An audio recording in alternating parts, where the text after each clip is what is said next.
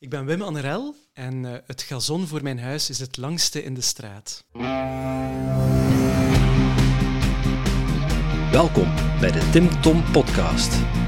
Ik ben Timothy. En ik ben Tom. Samen zijn wij jouw GPS naar geluk en succes. Ja, Timothy.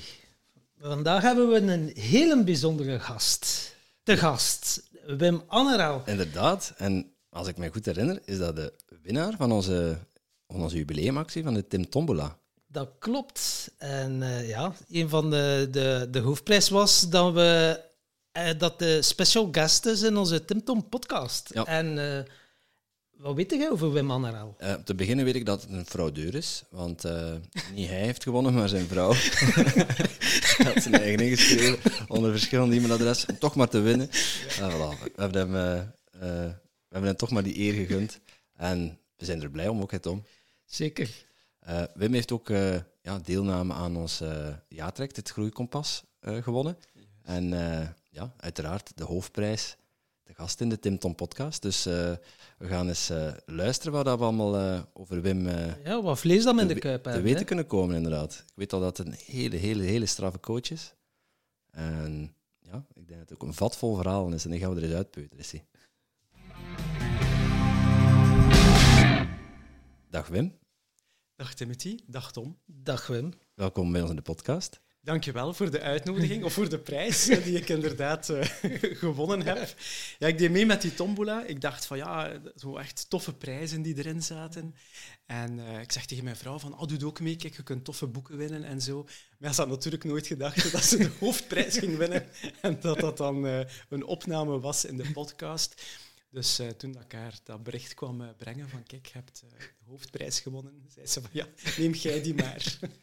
Kun je de micro iets dichterbij zetten? Zeker, toch? Of ja. ja. je stoel iets naar voren schuiven, dan gaan we jouw geluid beter horen. Um, ja, wij starten onze podcast altijd met de vraag van de vorige gast. -hmm. En dat was in dit geval Lieven Annemans, okay. de geluksprofessor, mogen we hem ondertussen wel noemen. En die had voor jou een boeiende vraag over de, de media. Ja, uh, namelijk het volgende. Hoe zie jij de media uh, in onze samenleving verder evolueren? Wauw. De rol een, van de media. De rol ja. van de media. Dat is een grote vraag. Um, je moet weten dat ik ooit in een ver verleden afgestudeerd ben als communicatiewetenschapper. Okay. Dus ik heb vier jaar lang uh, de media bestudeerd. Ik denk um, dat de rol van de media bijna alleen maar gaat groeien. Um, als ik naar heel veel landen in de wereld kijk, dan zie ik ook een soort uh, monopolisering, of nee, geen monopolisering, maar dat er steeds grotere mediagroepen ontstaan langs de ene kant. Dus uh, als, als je kijkt naar 20, 30 jaar geleden, bijvoorbeeld bij ons in, in, uh, in België, ook in Nederland, waren er veel meer kranten, veel meer echt verschillende kranten. En je ziet eigenlijk nu dat um, heel veel kranten gewoon zijn samengekomen, dat die dezelfde redactie hebben, dat die um, dus eigenlijk hetzelfde nieuws brengen, soms onder een andere titel. Er zijn ook al titels verdwenen de voorbije mm. decennia, helaas. Hè. Dus in die zin verschraalt het medialandschap als je kijkt naar um, de grote groepen en de, echt de massamedia. Maar langs de andere kant is er ook een heel positieve evolutie. En uh, daarvoor zitten wij hier, want podcasts, dat is iets dat vroeger niet bestond. En dat is eigenlijk weer een eigen mediakanaal. Uh, ik denk ook aan uh, sociale media, waar dat mensen ook groepen opmaken, pagina's opmaken. En waar dat we eigenlijk niet meer moeten passeren langs de massamedia om toch mensen te kunnen bereiken. En dat vind ik dan weer een super positive evolutie. Dus langs de ene kant heb je een soort verschraling hè, van, ik denk zeker naar nieuwsvoorziening, nieuwsgaring. Er zijn altijd maar minder redacties hè, op dat vlak. En dat is eigenlijk een jammere evolutie. Maar langs de andere kant hebben mensen uit de bevolking, laat ons zeggen, veel meer macht in eigen handen. Uh, onder deze vorm van een podcast bijvoorbeeld. En dat vind ik dan weer een super positieve evolutie. En ben jij nog eens iemand die alle dagen naar het nieuws kijkt of de, de kranten leest? Ik uh, lees af en toe een krant. We hebben zo'n abonnement in het weekend, maar ik moet zeggen dat dat er meestal niet van komt. En dan zo ene keer in de maand lees ik dan zo al die weekendkranten heel snel door. En dat is wel een voordeel, omdat alle zaken die zo al gepasseerd zijn, dat moet ik allemaal al niet meer lezen. Dus ik lees misschien per krant nog twee of drie artikels die zo wat tijdlozer zijn en die wat meer over grote trends gaan. Dat interesseert mij vooral. Zo dag, dag tot dag nieuws interesseert mij eigenlijk minder. Mhm. Dus ik ga zeker niet elke dag, eh, zeker niet naar tv, naar het nieuws kijken. Uh, maar ik hoor wel op de radio het nieuws. Hè. Bijvoorbeeld een keer uh, s morgens of een keer als ik in de auto zit, of bijvoorbeeld, dan, dan ben ik eigenlijk wel op de hoogte uh, op die manier van, van de zaken. maar ik ben zeker geen nieuwsjunkie of nieuwsfreak meer, hoewel ik dat vroeger wel geweest ben. ben ik dat eigenlijk niet meer. Dus ik hou mij vooral nog bezig met ja, wat zijn grote trends, wat zijn dingen die we echt moeten weten. Um, dat interesseert mij vooral. Ja, dus geen, hoe zeg je dat? Geen dagelijkse portie miserie meer voor jou? Nee, het allee, zo, ik zeg maar eens, een vrachtwagen die gekanteld is, so what? Allee, ja, wat, wat voor belang dat, dat, dat, dat, is erg als daar ja. ongeval, hè, als er doden bij betrokken zijn, maar ja, wat heb je eraan om dat allemaal te moeten weten? Allemaal te weten, ja. Wanneer ben je of, of om je zorgen over te maken. Ik, ik, heb ook zoiets van, zelfs in je dagelijks leven hè, zijn er ook bepaalde feiten die zich voordoen en die ook een impact op je kunnen hebben, of waar dat je even niet goed over voelt. En daar heb ik dan de 10-10-10-regel voor. En wat is de 10-10-10-regel? Bijvoorbeeld, je komt iets tegen, uh, ik zeg maar iets, je bent aan het rijden met een auto en iemand uh, snijdt in één keer uh, de pas af met een auto. Dan kun je daar enorm over opwinden. Wat is de 10-10-10-regel? Dat is, um, wat voor belang gaat dit hebben over 10 minuten? Hoe ga ik mij daar dan bij voelen? Binnen tien minuten. Misschien gaat nog zoiets zijn van, ah, dat gaat me nog altijd wat irriteren. Hoe ga ik mij hierover voelen binnen tien dagen? Ja, dan is het al bijna twee weken geleden. Dan wordt dat eigenlijk al wat meer een fait divers. Hoe, welke impact gaat dat nog op mij hebben over tien jaar? En dan heb je zoiets van, ja, niets meer. En op die manier kun je echt uitzoomen en kun je eigenlijk anders naar de dingen kijken ook. En je kunt dat eigenlijk zowel doen voor het nieuws, als er iets gebeurd is van hoe ga ik mij hierover voelen binnen 10 minuten, 10 dagen, 10 jaar? Wat voor impact gaat dat nog hebben? Maar eigenlijk ook over de dingen die in je eigen leven gebeuren. En dat helpt mij ook wel om zo naar dingen te kijken. Kijk, gelijk al praktische tips, de 10-10-10-regel.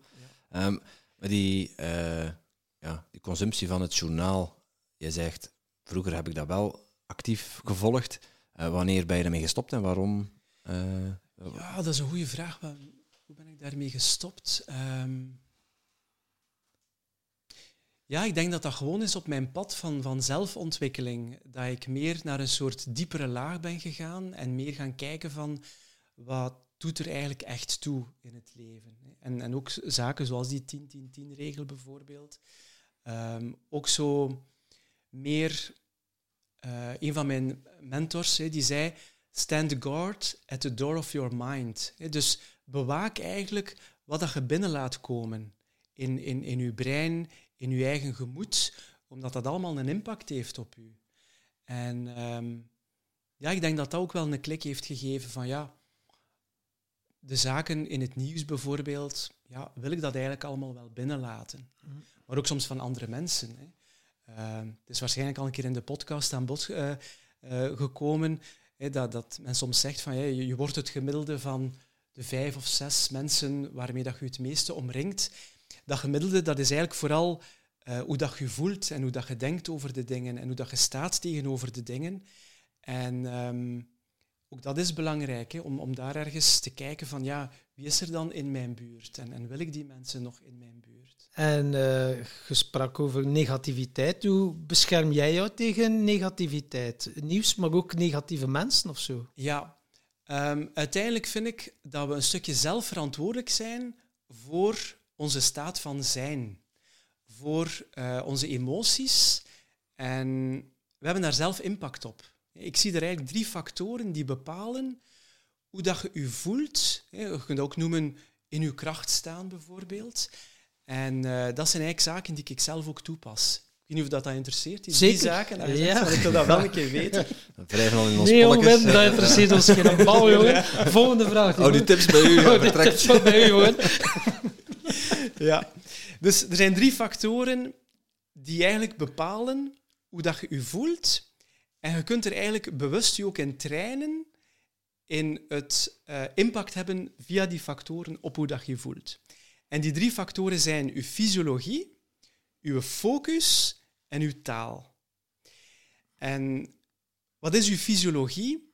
Dat is alles wat met uw lichaam te maken heeft. Dat is uh, bijvoorbeeld uw houding, uw lichaamshouding, uh, uw mimiek van uw gezicht, uw gebaren, uw, um, uw stemgebruik bijvoorbeeld. Hè. Dat is eigenlijk alles van fysiologie. En dat is superbelangrijk om uw staat te bepalen. Want stel dat ik aan u zou zeggen dat er hiernaast iemand zit die super depressief is. Die is in een ongelooflijk depressieve staat. Hoe denkt je dat die hiernaast gaat zitten? Ja, een beetje uh, in elkaar gezakt. En uh, met het hoofd naar beneden, denk ik dan. zo wat de schouders in elkaar gezakt, hoofd naar beneden. Waar gaat de ademhaling zijn? Want dat is ook een hoog in de borst. Ja, geeft, denk ik. ja is zo wat oppervlakkig, hoog in de borst. Um, en eigenlijk is dat al een recept om je bijna depressief te gaan voelen. Terwijl je kunt ook het omgekeerde doen. Hè. Zeggen, ik ga mijn schouders van naar achter doen. Ik ga mijn hoofd wat rechter houden. Ik ga wat dieper ademhalen, hè, van, vanuit mijn buik bijvoorbeeld. Ja. En op die manier begint u al anders te voelen.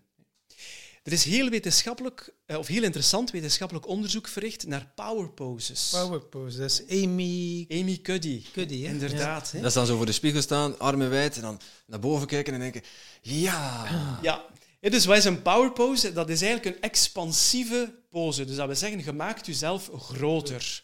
Bijvoorbeeld, je zet je benen wat uit elkaar, uh, je houdt je, je armen wat wijd. Bijvoorbeeld, je hebt de Wonder Woman pose. Dat is eigenlijk uh, je armen bijvoorbeeld in je zij. zij en dan je, zo, je benen zo wat uit elkaar. En als je zo twee minuten staat, dan heeft men gemerkt dat dat al impact heeft op je hormoonbalans. Bijvoorbeeld testosteron, dat is eigenlijk het dominantiehormoon, stijgt met 20% op twee minuten tijd. En uw cortisolniveau, dat is eigenlijk uw stresshormoon dan, daalt met 25 procent. Twee minuten tijd cijfers. door in zo'n power pose te staan. Je hebt ook het omgekeerde, dat is dan de low power pose. Dat is inderdaad zo'n beetje in elkaar gezakt gaan zitten, je benen over elkaar, uh, zo wat naar voren, uh, je armen in elkaar. En als je zo twee minuutjes zit, hè, dan gaat eigenlijk je cortisolniveau al 10% zakken. Dus je gaat je eigenlijk minder dominant voelen. En uw, um, uw testosteronniveau liever gaat zakken, gaat u minder dominant uh, voelen. En uw cortisolniveau, dus uw stresshormoon, gaat al stijgen. Dat is eigenlijk een gesloten houding. Een zo. gesloten houding, in elkaar gezakt. U klein maken bijvoorbeeld, hè, maakt eigenlijk dat je stresshormoon gaat stijgen. Nu, natuurlijk is niet de bedoeling als je bijvoorbeeld naar een sollicitatiegesprek gaat of je doet een presentatie of uh, je hebt een spannende date bijvoorbeeld, om dan in één keer zo'n powerpost uh, aan te houden terwijl dat je met mensen samen bent. Zie je daar staan, met je ja. armen van boven. Applaus, alstublieft. Applaus, ja, ja, yes. Hè.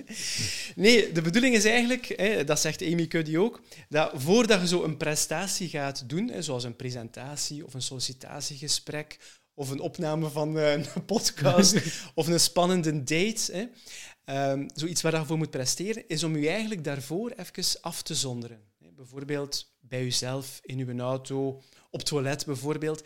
En dan eigenlijk twee minuten zo een uh, power pose aan te houden. Zodanig dat op het moment dat je dan naar die prestatie gaat, zo'n sollicitatiegesprek of iets anders, dat je eigenlijk nog het effect ervan hebt. Het effect blijft nog een stukje uh, nazinderen. En je kunt ook mentaal ook zo'n power pose aannemen.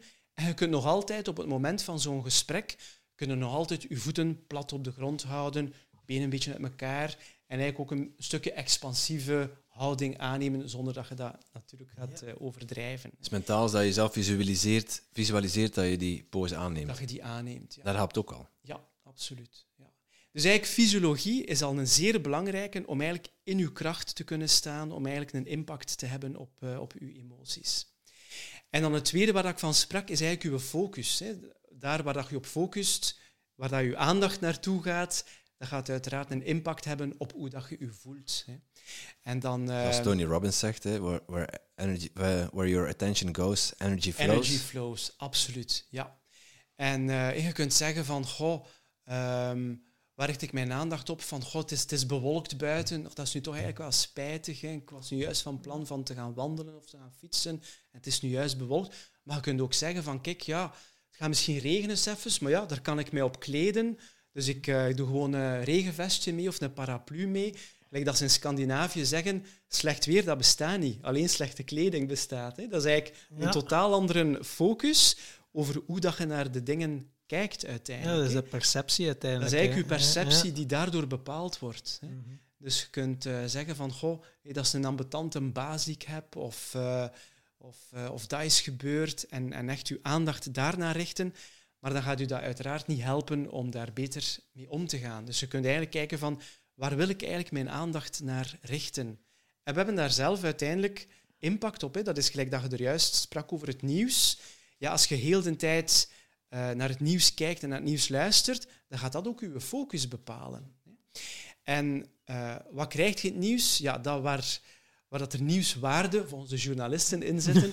dus dat is vaak hoeveel doden zijn er bijgevallen, hebben we er beelden van, uh, hoe dicht bij België is het? Hè? Dat zijn eigenlijk een aantal criteria die gaan bepalen van gaan we dat geven in het nieuws. Hè? Niet van gaat dat binnen, uh, binnen een jaar nog enige impact hebben op het leven van de mensen. Nee, dat is vaak van zijn dat die criteria. Hè? Van, hebben we er beelden van, zeker voor tv-journaal? Uh, hoe dichtbij is het? Zijn er Belgen bij betrokken of Nederlanders? Um, en, um, en hoeveel doden of hoeveel gewonden zijn erbij dat, dat gaat vaak uh, een, een, zijn een aantal van die criteria. Hè.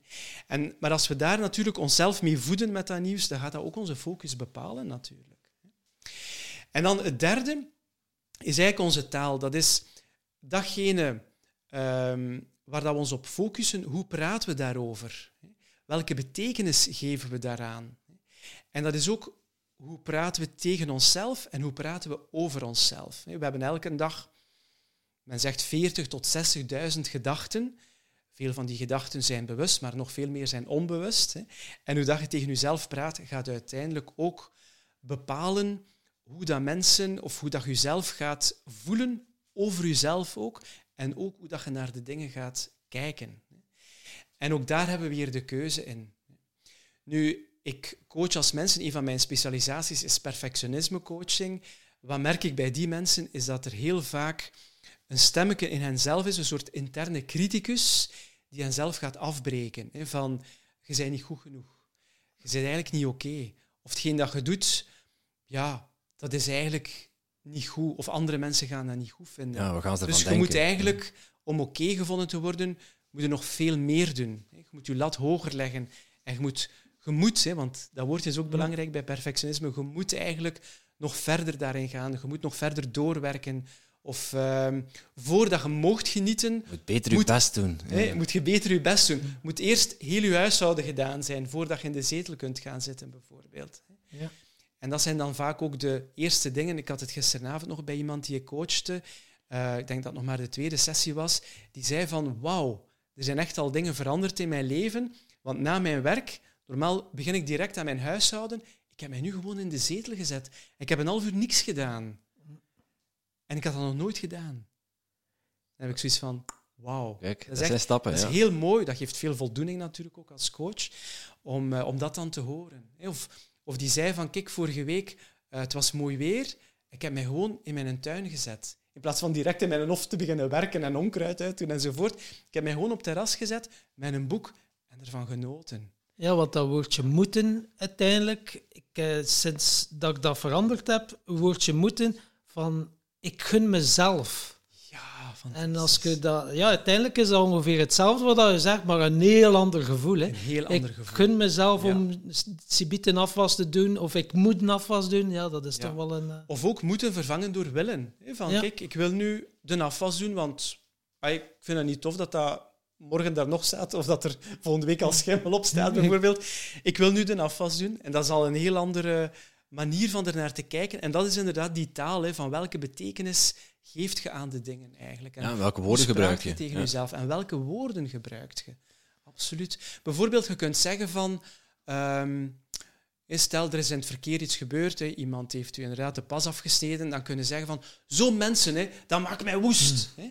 Maar je kunt ook zeggen van, goh, ik vond dat wel even irritant zo, hè. iemand die zo mij de pas afsneed. Hetzelfde is gebeurd, maar doordat het andere woorden geeft, gaat de emotionele lading ook al anders worden. En dat is ook interessant van dan een keer bij onszelf op te letten van welke, met welke woorden beschrijven wij uh, de dingen. En uh, dat kan ook in het positieve. Je kunt zeggen van, uh, oh, ik vond dat eigenlijk wel een tof gesprek, maar je kunt ook zeggen, oh, ik vond dat een zalig gesprek. En plots gaat dat helemaal, dat gevoel gaat, gaat anders zijn. Ja, het zijn ook de associaties die dat mee worden. Ja, hè. En ja, voor de ene betekent dat woord, doe hem niets, en bij een andere triggert dat iets dat er volledig uit je dak gaat uiteindelijk. Ja, ja maar wat voor uh, lading zit er al op hè, op de persoon? Uh, want de pas afgesneden worden in een auto en dan vervolgens uit je slof vliegen, ervoor gaan rijden, op keihard op je rem trappen. Het gebeurt hè, in het verkeer. Het gebeurt, hè, ja. Maar ja, daar zit er waarschijnlijk al bij die persoon al, uh, zeg je dat? Is er al iets gebeurd? Hè? Bijvoorbeeld een slecht gesprek op het werk, of ruzie met een collega, of ruzie thuis. En uh, druk, druk, druk bij het werk. En dan die frustratie die dan zich opkropt. En dat op dat moment even uitkomt. Ja, het is ook soms je kunt ook soms herkaderen. Hè? Als je zo iemand, uh, je bent aan het rijden op uh, de autostrade en er komt in ene keer iemand vlak achter u rijden en met de lichten flitsen enzovoort, omdat hij u wil voorbijsteken, dan heb ik meestal zoiets van, oké, okay, ga ik gewoon even opzij, want uh, ja, misschien moet die mens ergens superdringend zijn. Is er iets gebeurd in het leven van die ja. mens? Misschien is zijn uh, vrouw aan het bevallen, eh, of, of is er iemand... Uh, hey, misschien zit hij mee gedaan. Oh, moet kak, moet kak. Ja, Bijvoorbeeld. hè? Ja, ja. Of uh, à la limiet kunnen zeggen van, kijk, um, ja, het feit dat die mens hier aan uh, 130 of aan 140 aan het rijden is, het is mijn taak niet om te flitsen, dat is de taak van de politie. Dat zal op een of ander moment wel gebeuren. Voilà, dus ik laat die mens, uh, ja. ik laat dat aan die mens bijvoorbeeld. Dus je kunt ook gewoon helemaal herkaderen en ook jezelf er eigenlijk buiten zetten, gewoon, hè, zodanig dat u, dat u dat eigenlijk veel minder doet. Zo. Maar jij sprak uh, over perfectionisme. Ja. Uh, ja, perfectionisme heeft meestal ook nog een positieve intentie. Iemand die perfectionistisch is, dat is dan oké. Okay, het zodanig goed doen om niet te willen falen of zo. Of hoe... Ja, kijk, er is een groot verschil tussen de dingen perfect willen doen. Bijvoorbeeld, stel inderdaad dat je uh, geopereerd wordt door een uh, chirurg. Dan wil je natuurlijk dat die mens die operatie zo goed mogelijk doet. Dat hij echt een hele hoge standaard heeft en dat hij echt uh, absoluut zijn best doet. Um, maar zolang dat het willen is, is dat helemaal oké, want dan heb je eigenlijk geen last van. Wanneer wordt perfectionisme een echt belemmerend, soms ziekmakend patroon? Dat is eigenlijk als je dat moeten erbij hebt. Als je zoiets hebt van, uh, gelijk die dame waar ik daarnet van sprak, die zoiets had van, uh, ja, ik moet eerst heel mijn huishouden aan de kant hebben. Ik moet eerst al het werk voor het werk gedaan hebben en dan eerst heel mijn huishouden gedaan hebben voordat ik iets voor mezelf kan doen. Of voordat ik van iets kan genieten. Ja, die voorwaardelijkheid erin. Die voorwaardelijkheid. Hè. En dus moeten is echt wel een kernwoord daarbij. En op die manier gaat het ook over uw grenzen natuurlijk. En wat zit ook nog bij perfectionisme, dat is die een bevestigingsdrang. Ik kan mezelf niet meer oké okay vinden van mezelf. Andere mensen moeten mij oké okay vinden. En daarom ga ik zoveel doen voor andere mensen dat ik nooit nee ga zeggen. Dus van zodra iemand mij iets vraagt, zeg ik eigenlijk al automatisch ja. Dat is dat people-pleasing gedrag, dat bij veel mensen met perfectionisme een heel belangrijke is. Ze zeggen eigenlijk al automatisch ja als je iets vraagt. Met als gevolg dat ze één al, uh, doordat ze ja zeggen tegen anderen, ze eigenlijk op een of andere manier nee zeggen tegen zichzelf. Want ze gaan zichzelf wegcijferen. En met als gevolg ook dus dat, dat ze altijd maar ja zeggen, dat ze zichzelf gaan wegcijferen. En dat ze over hun grenzen gaan. Dus dat ze eigenlijk altijd maar doorgaan om toch maar goed gevonden te worden door anderen. En wat gebeurt er als je altijd maar wegcijfert en als je altijd maar over je grenzen gaat en als je altijd maar doorgaat, zelfs al uh, staat je s'morgens ziek op, je sleept je toch naar het werk, wat gebeurt er op den duur? Burn-out. Burn-out. Recept ja. voor burn-out, ja. Absoluut. Hè. Dus eigenlijk is dat uh, perfectionisme in die mate is bijna een rode loper naar uh, burn-out. Er is bijna altijd een link tussen burn-out en perfectionisme. En ook, ja, niet meer weten wie dat je bent, hè. Je hebt geen identiteit, ja, hè? Absoluut, je hebt geen identiteit. Omdat je jezelf wegcijfert. Op den duur, je weet zeer goed wat je partner of je kinderen of je collega's of wat je baas, wat dat die graag hebben. Uh, waar dat die graag op vakantie zouden willen gaan, of wat dat die graag eten, of hoe, die, hoe dat die graag uh, een, een, bepaald ding hebben. Maar als je dan bij jezelf een keer zou je afvragen van wat verlang ik nu zelf eigenlijk? Wat zou ik zelf graag hebben? dan is dat vaak heel moeilijk. En Omdat je er zelf niet meer bij kunt, zo dat gevoel van, wat wil ik nu eigenlijk zelf? En mensen die zich nu erkennen van, oh shit, ik heb dat eigenlijk ook. Welke concrete tips kan je die mensen geven? Wat kunnen ze bijvoorbeeld doen om uit dat patroon te geraken? Om uit dat patroon te geraken. Ehm, het is niet evident om er zelf uit te geraken. Dus vandaar zou ik zeker voorstellen dat ze een perfectionisme coach zouden opzoeken. Wat kan je zelf doen, is eigenlijk ehm, eens kijken van hoe praat ik tegen mezelf. Dat is eigenlijk dat aspect eh, taal en welke betekenis geef ik eh, aan, aan de zaken. Hoe praat ik tegen mezelf? En dan eens kijken van de manier waarop ik tegen mezelf praat, in hoeverre helpt mij dat? Waarschijnlijk niet, hè, want anders zou het niet met dat patroon zitten. En eigenlijk een keer kijken van hoe kan ik de andere kant gaan activeren. Ik geef een voorbeeldje. Mm. Bij die interne criticus hè, gaat het vaak zo zijn dat mensen tegen zichzelf zeggen van "Oh, wat heb ik nu allemaal vandaag eigenlijk niet goed gedaan? Wat is er eigenlijk allemaal niet goed geweest aan mijn werk? Ja, ik heb dat en dat niet kunnen doen. Of eigenlijk, die presentatie die ik daar gemaakt heb, eigenlijk was dat niet goed. Ik zou eigenlijk dat en dat er nog moeten aan verbeteren. En op die manier beginnen mensen zich eigenlijk al slecht te voelen. Dus je zou jezelf de vraag kunnen stellen, wat vandaag was wel goed? Wat zijn drie dingen die ik goed gedaan heb? Wat zijn eh, drie dingen eh, aan mezelf die ik wel goed vind? En dat kunnen superkleine dingen zijn, hè, want dat is ook weer een nieuwe mentale gewoonte dan. Hè. Dus je moet jezelf daar eigenlijk in trainen. Hè. Dat gaat, de eerste dag gaat dat moeilijk zijn. Ja, drie dingen die ik zelf goed gedaan heb. Hè. De tweede dag gaat al iets gemakkelijker zijn. En na een week of twee, drie, wordt dat bijna een automatisme en gaat je brein die een filter ontwikkeld hebben van te kijken naar zaken die wel goed zijn. Ja? En op die manier is dat een nieuwe mentale gewoonte geworden. Dus weer dat stukje focus uiteindelijk. Dat stukje focus op de goede dingen. Ja, er zijn ook mensen die zeggen van kijk, ik koop mij een mooi schriftje en elke avond, voordat ik ga slapen, schrijf ik daar drie dingen op eh, die ik goed vond aan mezelf. En ik schrijf ook drie dingen op waar dat ik dankbaar was voor me, eh, in mijn dag bijvoorbeeld. En dat mogen superkleine dingen zijn. Het mogen zelfs al een keer dezelfde dingen zijn, hè, dat maakt niet uit. Ehm, om eigenlijk die mentale filter te gaan ontwikkelen. En dat is eigenlijk iets dat mensen zelf ook al eh, kunnen. Oh, ja. Ja, en je kan dat, je zegt dat, je hoort wel eens van die voorbeelden van ja, ik ben dankbaar voor het kussen waar ik op lig, want dat ondersteunt mijn hoofd zo fijn. Ja, dat klinkt dan zo vrij cheesy.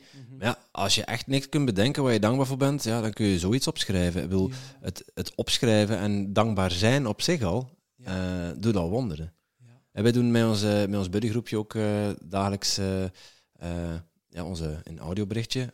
Kort eh, uitspreken waar je dankbaar voor bent van de dag ervoor. En we doen dat nu al een paar weken. En eh, Zalig. ik moet zeggen, dat, ja, dat, dat staat- zet u wel anders in het leven. Ja. En heb je daar dan een soort evolutie in gemerkt tussen in het begin dat je daarmee begonnen bent en nu, nu dat je dat zo'n tijdje doet al? Ja, dat, dat, dat gaat bijna al vanzelf dat je, dat je daaraan denkt van, oh, waar ben ik dankbaar voor? Ah, dat, is wel, dat was wel tof, dat was wel tof gisteren. En eh, ja, je bent ook rapper dankbaar naar andere mensen toe. Wauw, Ja. Ja. Wat dat ik ook wel... ah ja. Ja, en, zeg maar rapper, rapper, rapper dankbaar zijn, maar ook uitspreken dan. Mhm. En dan Ja. niet voor jezelf houden, maar, maar ook oprecht dankbaar zijn en dat uitspreken van merci, ik vond het tof. Of, eh, Oh, wauw. Ja. Er is wel zo nog een, een verschil. Je kunt wel dankbaar zijn, je schrijft het op. En je kunt zeggen, oké, ik ben dankbaar voor dat kussen waar dat ik op lig, maar enkel in je hoofd. Maar dan voelt het niet. Dat is nog een, een groot verschil. Hè? Dus dankbaar en oprecht dankbaar zijn. Oh, dank je voor dat hoofdkussen. Maar dat het in Hans je lijf voelt, die dankbaarheid. Eh, dat merk ik vooral, dat het in het begin bij mij vooral eh, een mentale, Een mentale oefening was, mentale oefeningen. Zo, ah, ik ben dankbaar voor dat. Dat is precies op het school. Ah, ik ben dankbaar voor dat. Ah ja, want ik weet dat is goed voor mij. Maar je voelt het niet. Je voelt het nog niet direct. Je En voelt- dat zie ik ook bij mensen met perfectionisme. zitten heel vaak in hun denken. Met als gevolg dat ze vaak ook piekeren op het moment dat ze even stilstaan. En ehm, dat is vaak ook over negatieve dingen. Hè. Dingen waar dat ze angstig voor zijn of dingen waar dat ze, die ze niet onder controle hebben. Of ehm, zaken die, ja, die te maken hebben met een innerlijke criticus bijvoorbeeld. En dat denken is vaak zo sterk dat ze een stukje vervreemd zijn geraakt van hun voelen. En dan is het natuurlijk de kwestie van wat kunt je doen om meer bij je gevoel te komen. En je gevoel zit eigenlijk in je lijf. Dus in, in die zin kan het heel goed zijn om ook eens te kijken van wat kan ik nu doen om ook lijfelijk bezig te zijn en om ook ehm, mijn lichaam te betrekken in dingen. En dat is ook iets dat ik zelf heb moeten leren. Uh, want ik was vroeger super mentaal. Eigenlijk is nog altijd een evolutie dat ik bezig ben om, om ook meer in mijn lijf te komen. En ja, wat helpt er? Ja, er zijn dingen waar dat je zo van kunt genieten. Hè. Dat, dat is een keer naar een wellness gaan bijvoorbeeld. Of ook als je eet, is bijvoorbeeld zo meer mindful eten. Is ook zo'n keer uh, proeven. Als je zo dat eten in je mond hebt, of die een koffie, of uh, voor mensen die graag wijn of bier drinken, of om ook dan een keer zo echt zo te proeven en zo een stukje vertragen. Um, en daar ook heel ja, langzaam over te doen. Hè. In plaats van zo rap-rap iets te drinken of te eten, vertragen gewoon. Hè. Om bij dat voelen te komen. Wat heeft mij nog geholpen? Uh, sinds het begin van corona ben ik uh, beginnen wandelen. Vroeger was dat zo één of twee keer per week dat ik uh, maximaal ging wandelen. En nu is dat elke dag. En soms zelfs als ik kan, twee keren per dag. Echt in de natuur. Um, ja, het is, het is, eigenlijk, als ik daar nu op terugkijk, is dat zot. Ik heb vlak in mijn buurt, heel dicht bij mijn huis, heb ik veel natuur dat ik eigenlijk nu ben beginnen ontdekken. Dat is eigenlijk, dat is eigenlijk zot. Um, en dat helpt eigenlijk ook zo fysieke dingen doen. En um, wat mij ook enorm helpt, maar dat is ook al wat langer, zo al een jaar of drie, vier, is uh, mediteren. Er zijn natuurlijk heel veel vormen van mediteren. Er zijn ook heel veel misverstanden over mediteren.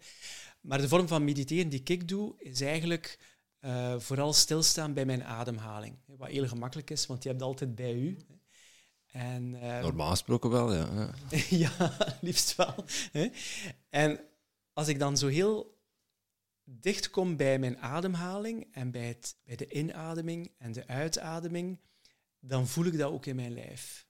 En op dat moment voel ik ook ja, uh, hoe dat ik zit en, en hoe dat mijn lijf is. En voel ik elke kleine spanning ook in mijn lijf. Maar meestal op het moment dat we mentaal bezig zijn, zijn we niet bezig met spanningen in ons lijf. Maar op het moment dat we gewoon even gaan stilzitten, al is dat maar één minuut. Hè. Dat is ook een tip die ik soms geef aan mensen die zeggen, ja, mediteren. Ik heb er geen tijd voor. Ik zie dat, ik heb er geen tijd voor. Dan zeg ik, weet je wat, pak uw gsm, zet u een timer op 60 seconden. Doe die ogen toe en zet u gewoon. En doe die ogen toe en richt u bijvoorbeeld even op uw ademhaling. En dat is al kei veel. En 60 seconden, wie heeft er geen 60 seconden? Hè? zou zelfs zeggen, als je geen 60 seconden hebt, zou ik je aanraden om een half uur te mediteren. Het, het er ongeveer 60 in een uur. Uh. Ja, bijvoorbeeld. Hè.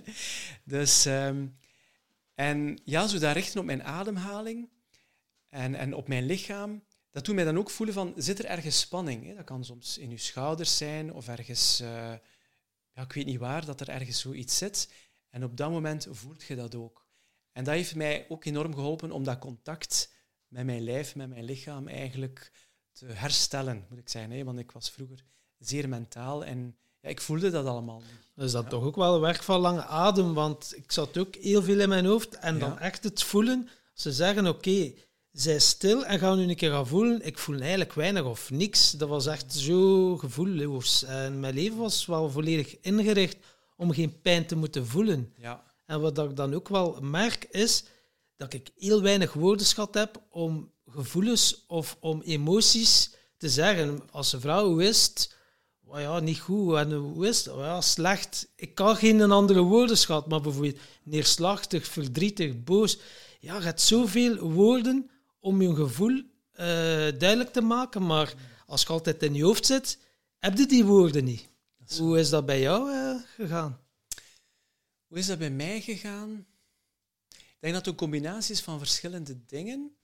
Eigenlijk, uw gevoel is sowieso iets fysiek ook.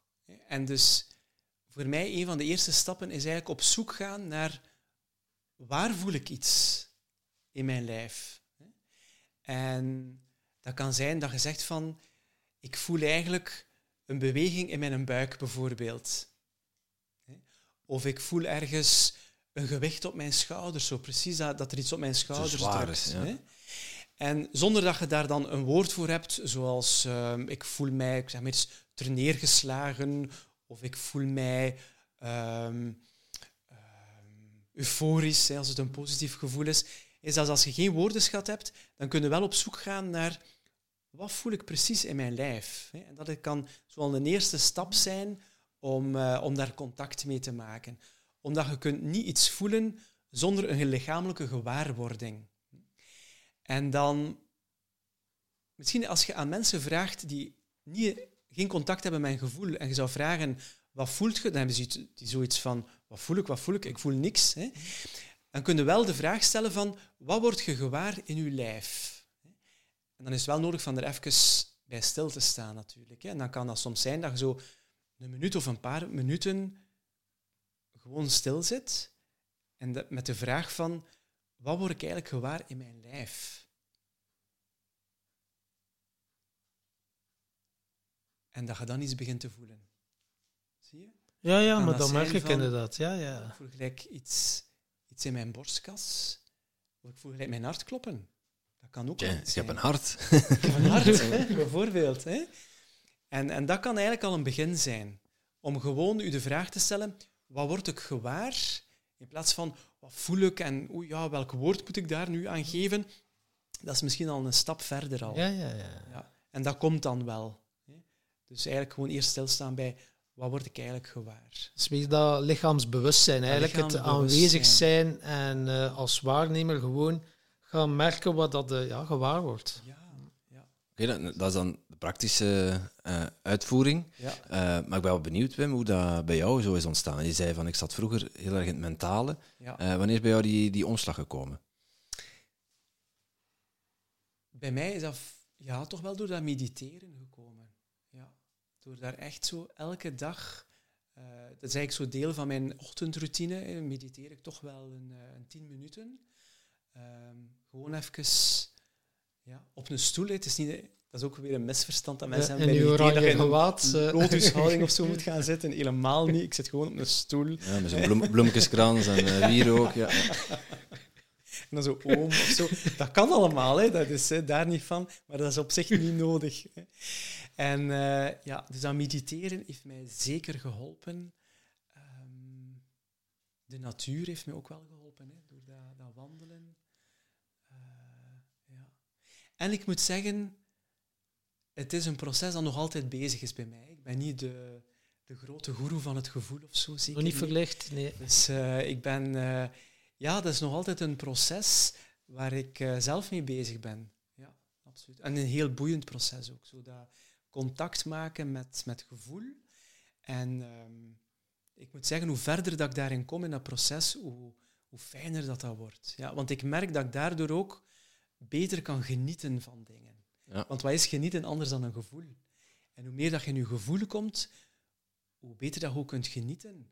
En dat maakt het leven uiteindelijk ook wel zo fijn, hè? Rijker, Genieten rijker en, en, En rijker, voller. ja. Ja. Absoluut. Het is eigenlijk ja, de, de persoonlijke groei, hè, die, die oneindige reis, ja, of die oneindige, eh, het oneindige ontdekkingsreis naar jezelf. Hè. Ja, Je komt iedere keer weer een laag dieper. Ja. Vergelijk het wel eens met een, met een ajuin. Van, hè. Dus als je de ui Laagjes, afpelt, ja. laagje voor laagje, en hoe dichter dat bij de kern komt, hoe meer dat je moet blijten. Misschien van geluk ook wel, hè? Ja, dat kan zo zomaar kunnen. Ja. Ehm, maar ja, jij bent, eh, jij bent coach, ehm, maar hoe, ja, bij, jij bent niet als coach geboren. Kun je ons eens meenemen in, jouw eh, in, ja, in jouw pad? Wauw, dan moeten we heel ver teruggaan. Want ik was zo een jongetje dat eigenlijk al op de middelbare school, terwijl dat de meeste klasgenoten eh, tegen een balken aan het shotten waren op de speelplaats, eh, zat ik, als ik zo'n jaar of 15, 16 was, zat ik in de bibliotheek van de school. Er was nog geen internet. En ehm, ik was eh, eigenlijk toen al aan het lezen over Oosterse filosofieën. Oké. Ja, ik was eigenlijk op zoek naar een manier of naar inzichten om de wereld te begrijpen. En ehm, ja, de gewone vakken op school die gaven mij veel te weinig daarover. Wiskunde enzovoort. hè. Dat gaf mij zo op, ja, zeker niet genoeg eh, voeding om de wereld te kunnen begrijpen. En ik had zoiets van, ja, er zijn zoveel wijze mensen al op, uh, op aarde en op aarde geweest die daar dingen over geschreven hebben. Dus het is eigenlijk gewoon kwestie van op zoek te gaan naar um, wat mensen al bedacht hebben, wat mensen al geschreven hebben. Dus um, uiteraard waren ook westerse filosofen waar ik zaken over las. Maar ik was toen al eigenlijk enorm aangetrokken door meer Oosterse filosofieën, uh, vooral dan uh, boeddhisme en, en, zaken die daarmee te maken hadden. En hoe dat zij eigenlijk keken naar uh, de mens, maar ook hoe dat ehm, mensen denken en, en alles dat daarmee te maken had. Um, en ik herinner mij ook bijvoorbeeld toen dat we op schoolreis gingen, in, in het zesde middelbaar, was dat dan, was er een schoolreis naar Londen. En ik herinner mij zo in een winkelstraat, had ik dan zo de Virgin Megastore, waar dat zo massa's cd's en misschien zelfs nog platen in die tijd ook uh, Cassettes, waren. Er was ook zo een boekenstand en ik ben altijd aangetrokken geweest door, uh, door boeken. En uh, in die boekenstand stond er zo'n boek. Ik was toen 17 jaar. Een boek Think and Grow Rich. Ah, ik zeg, kijk, wow, now we're talking. Dat is eigenlijk wel een interessante titel, Think and Grow Rich. Napoleon ik bladerde zo hè, even door in een boek. Ik zeg van, ja, dat is het. Hè. En uh, ik heb onmiddellijk die een boek uh, gekocht. 17. En uh, 17 jaar, ja. En ik ben nu eigenlijk beginnen lezen al op de busreis terug, terug naar België. Ja. En dan toen ik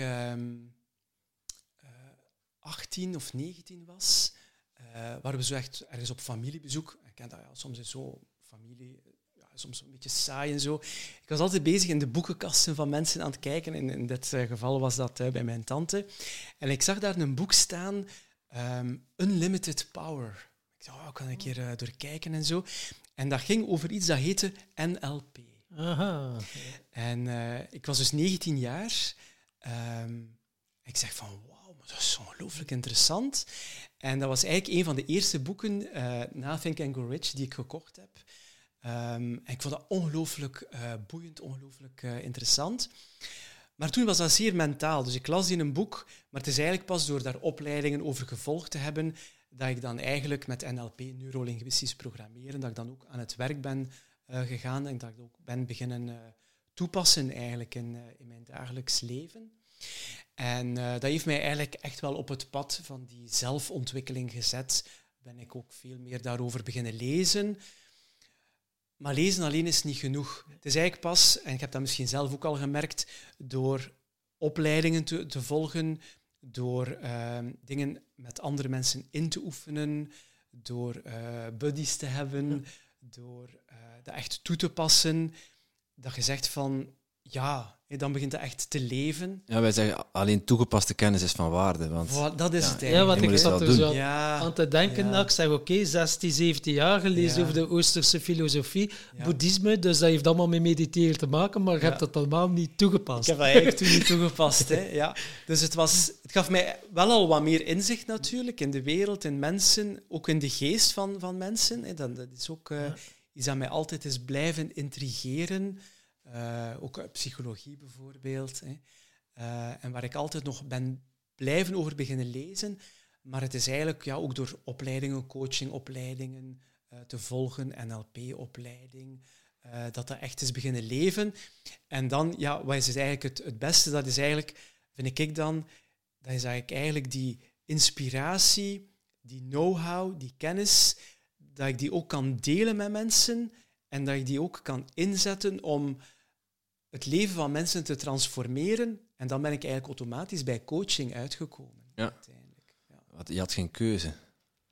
Je hebt erin geduwd. Of, uh... Ja, je hebt altijd een keuze, maar voor mij was daar het ging wel interesse naar uit. pad. Ja. Ik, ik, geef ook, en ik, ik gaf ook in het begin, nog voor ik coachte, uh, gaf ik ook opleidingen uh, in bedrijven rond ehm, soft skills heet dat dan, hè, rond communicatie, eh, persoonlijke effectiviteit, uh, creatief denken ook bijvoorbeeld. Zo allemaal zaken die me ook interesseren. Um, en dat is ook wel fijn om dat met een groep te delen. Maar in coaching kun je altijd een laagje dieper gaan natuurlijk. Hè, want dan kun je ook gaan naar ja, welke overtuigingen houden mensen specifiek tegen. En kun je eigenlijk uh, mensen daarin ook begeleiden om dat te gaan transformeren. Het identiteitsniveau. Het identiteitsniveau. Wat moeilijk is om met een hele groep te doen natuurlijk. Ja. Hè. Ja. Ja, En, en ja, business coaching, eh, dat gaat dan... eh, jij coacht dan vooral leiders, denk ik? Ik coach Executives? leiders, maar eigenlijk staat dat open voor iedereen. Iedereen komt bij mij. Ehm, dat kan zowel, ehm, ja, als ik kijk naar de voorbije weken, verpleegkundige zijn, een consultant, een, eh, een huisvrouw, een, ja, een CEO. Dat kan echt van alles zijn. Uiteindelijk, we zijn allemaal mensen. Wat voor verschil maakt dat, welk, welk beroep dat je hebt uiteindelijk. Hè? Maar leiders in die zin dat ik mensen help om meer zelfsturing in hun leven aan te brengen en dus eigenlijk om meer leider van hun eigen leven te worden. hè. Want de bedoeling van coaching, mijn bedoeling bij coaching, is dat mensen zo snel mogelijk weer weg zijn, dat ik ze niet meer moet coachen. hè. En bij wijze van spreken, hoe rapper, hoe beter. Ik wil mensen niet afhankelijk van mij maken. Integendeel, ehm hoe sneller dat ik ze kan laten vliegen, om zo te zeggen, hoe, hoe liever dat ik het heb uiteindelijk. Ja, dan maken ze grote stappen. Ja, dan maken ze grote stappen en, en, en dat wil zeggen dat, dat het werkt hè, en dat, dat goed Ja. bezig is. En per- persoonlijk leiderschap, sorry, ja. Eh, persoonlijk leiderschap noemen we dat dan. Ja. Eh, wat zijn voor jou daarvan de, de belangrijkste eigenschappen? Dat is eigenlijk dat je aan het stuur van je eigen leven zit. Dus dat je eigenlijk niet meer het gevoel hebt van het zijn andere mensen of het zijn omstandigheden die bepalen hoe dat ik mij voel of wat ik doe of wat ik denk. Maar het gevoel hebben van ik heb daar eigenlijk zelf controle over. En ik zit zelf aan het stuur van mijn leven. Eigenlijk is het meer dat gevoel zo. Ja, eerder de verantwoordelijkheid nemen in plaats van slachtoffer spelen. Ook wel, ja. een stukje eigenaarschap, absoluut. Ja. Eigenlijk als je het gevoel hebt van ik ben eigenaar van mijn leven en van hoe dat ik in het leven sta en hoe dat ik mij gedraag en wat ik voel en wat ik denk, dan ben je eigenlijk leider over je leven. Ja, Ja. Dat is persoonlijk leiderschap. Eh, nog over coach gesproken, een keer iets heel hypothetisch. Stel, er komt iemand bij u en die zegt, oh, mijn- gans mijn omgeving die wil dat ik mij laat vaccineren, maar ik vertrouw het boelken zo niet. Eigenlijk zou ik mij niet willen vaccineren. Als u iemand die vraag stelt, wat, wat antwoord gaat hij geven? Ehm, ik heb zo mensen bij mij in coaching die, die zeggen van ja, nee, ik, ik laat mij niet vaccineren. Ehm, uiteindelijk is dat iets dat past in het model van de wereld van die persoon. En ik ga mij daar op zich niet mee moeien. Dus ik ga nooit zeggen aan mensen van jij moet dat doen of je zou beter dat doen. Ehm, dus stel dat mensen dat aan mij zouden vragen, Ja, dan zou ik eigenlijk kunnen zeggen van kijk, dat is hoe ik erover denk of, of, of, of hoe ik daarnaar kijk. Maar it's, it's up to you, van, van ja, hoe denkt jij daarover? Dus ik ga nooit proberen van mijn eigen model van de wereld of hoe dat ik over dingen eh, denk, op te leggen aan iemand anders. En dat vind ik ook een beetje de taak van een coach, om eigenlijk je eigen eh, manier van kijken naar de wereld, om dat eigenlijk opzij te zetten en van je eigenlijk open te stellen naar de persoon die tegenover u zit. Want als je als coach zoiets hebt van, bij deze persoon kan ik dat niet, en stel dat die hele extreme eh, ethische of politieke standpunten heeft, waarvan dat je zelf zoiets heb, zou hebben van, ja, nee, dit kan echt niet voor mij, dan zou ik eigenlijk voorstellen aan u als coach van te zeggen van, ik denk dat we geen klik hebben en van die, eigenlijk- van die persoon door te sturen, want anders gaat dat toch niet lukken eigenlijk. Hè. Ik heb dan no- nooit extreem met iemand eh voor gehad. Ehm, gelijk nu dat vaccineren, voor mij is iedereen daar, daar vrij in. Dus in die zin... ehm, Ik kan me wel inbeelden Ja. dat heel veel mensen daar zitten. Hè. De ene wil wel en dan de andere gezinsleden niet. Dat dat toch wel heel wat discussies eh, oplevert. Ja, dat kan wel. En mensen kunnen daar ook in evolueren. Misschien in twee richtingen zelfs. Ehm, ja. Ja. En wat, voor, wat typeert voor u een, een goede coach? Wat is voor jou een goede coach? Iemand die zijn eigen model van de wereld opzij zet? Dat sowieso. Sowieso. Ehm, wat typeert een goede coach? Is... Het is een soort... Ja, er zit van alles in. Hè. Je hebt natuurlijk je attitude als coach van... Ik ben geen eh, adviseur. Hè. Ik ga geen eh, advies opleggen aan iemand, hè, want dat, dat zit niet in dat coachen. Ik ben ook geen een vriend die zo wat goede raad geeft of die gewoon luistert. Ehm, ik ben ook geen therapeut die in het verleden van mensen gaat graven. Maar ik ben eigenlijk iemand die samen een stuk op weg gaat, op hetzelfde niveau, die bepaalde methodieken instelt, vooral uh, goede vragen stellen. Uh, er zijn ook natuurlijk nog andere interventies die, die mogelijk zijn, om die persoon verder te helpen in het doel dat die persoon zichzelf stelt. Hè. Dat ook natuurlijk een stukje verhelderd kan worden door vragen die gesteld worden. En ja, dat is op dit moment wat ik zou zeggen dan een goede coach is. Eigenlijk. En een goede coach, heeft die diploma's nodig? Dat is een goede vraag. Ehm, als ik zelf op zoek ga naar een coach, dan is een bepaalde opleiding die die gevolgd heeft, kan dat wel een soort indicatie zijn van, kijk, dat is iemand die, die toch al een zekere oefening, een zekere expertise heeft in, uh, in het coachen. Je wordt ook niet coach van, uh, van maandag op dinsdag, dus als je daar een stukje ervaring in hebt, dan, dan helpt dat ook wel. En in een, een iets langer traject, ik denk aan een coachingopleiding van toch minstens een jaar, heb je ook veel geoefend uh, met andere mensen, dus dat, dat helpt ook al om, uh, om een stukje kwaliteit te kunnen aantonen. Dus op zich zou ik niet zeggen van diploma's of certificaten of zo, is ook geen bewijs van dat is een goede coach. Nee, op zich dat niet. Maar het kan een indicatie zijn. Ja. Maar meer niet. Maar ja, zelf gecoacht worden mm -hmm. uh, als coach, ja. hoor ik jou zeggen, is eigenlijk wel een voorwaarde dat helpt toch wel, hè, vind ik, om uiteindelijk als coach wilt je mensen helpen groeien en, en, en nodigt je mensen uit om meer zichzelf te worden, om meer zichzelf te zijn. Dus om een goede coach te zijn, is toch ook belangrijk om zelf ook te groeien. En om ook zelf te ontwikkelen. En ik zelf ook, ik, uh, ik volg veel opleidingen. Uh, ik investeer daar ook gigantisch veel in. Goh, ik denk naar mijn inkomen, misschien dat het 10 tot 20 procent is van mijn inkomen dat ik investeer in persoonlijke ontwikkeling. En per maand gaat dat uh, ja, twee tot vier volle dagen zijn eigenlijk, dat ik zelf bezig ben met, met ontwikkeling, met opleidingen volgen, bijvoorbeeld. En ik heb zoiets, ik ben dat bijna verschuldigd aan mijn coaching klanten, aan mijn coaches, om zelf te investeren in mijn ontwikkeling, omdat ik dat ook vraag van mensen die door mij gecoacht worden, om zichzelf te ontwikkelen. Ja. ja waar, komt die drive vandaan om jezelf altijd maar te blijven ontwikkelen? Waar komt die drive vandaan? Het is echt iets dat je mijzelf zit. Het, is, het, is, best veel, hè? Zo twee tot vier dagen per maand aan, aan coaching en opleiding. Ja. Het is iets dat mij ook wel energie geeft, hoor. Dat wel, ja.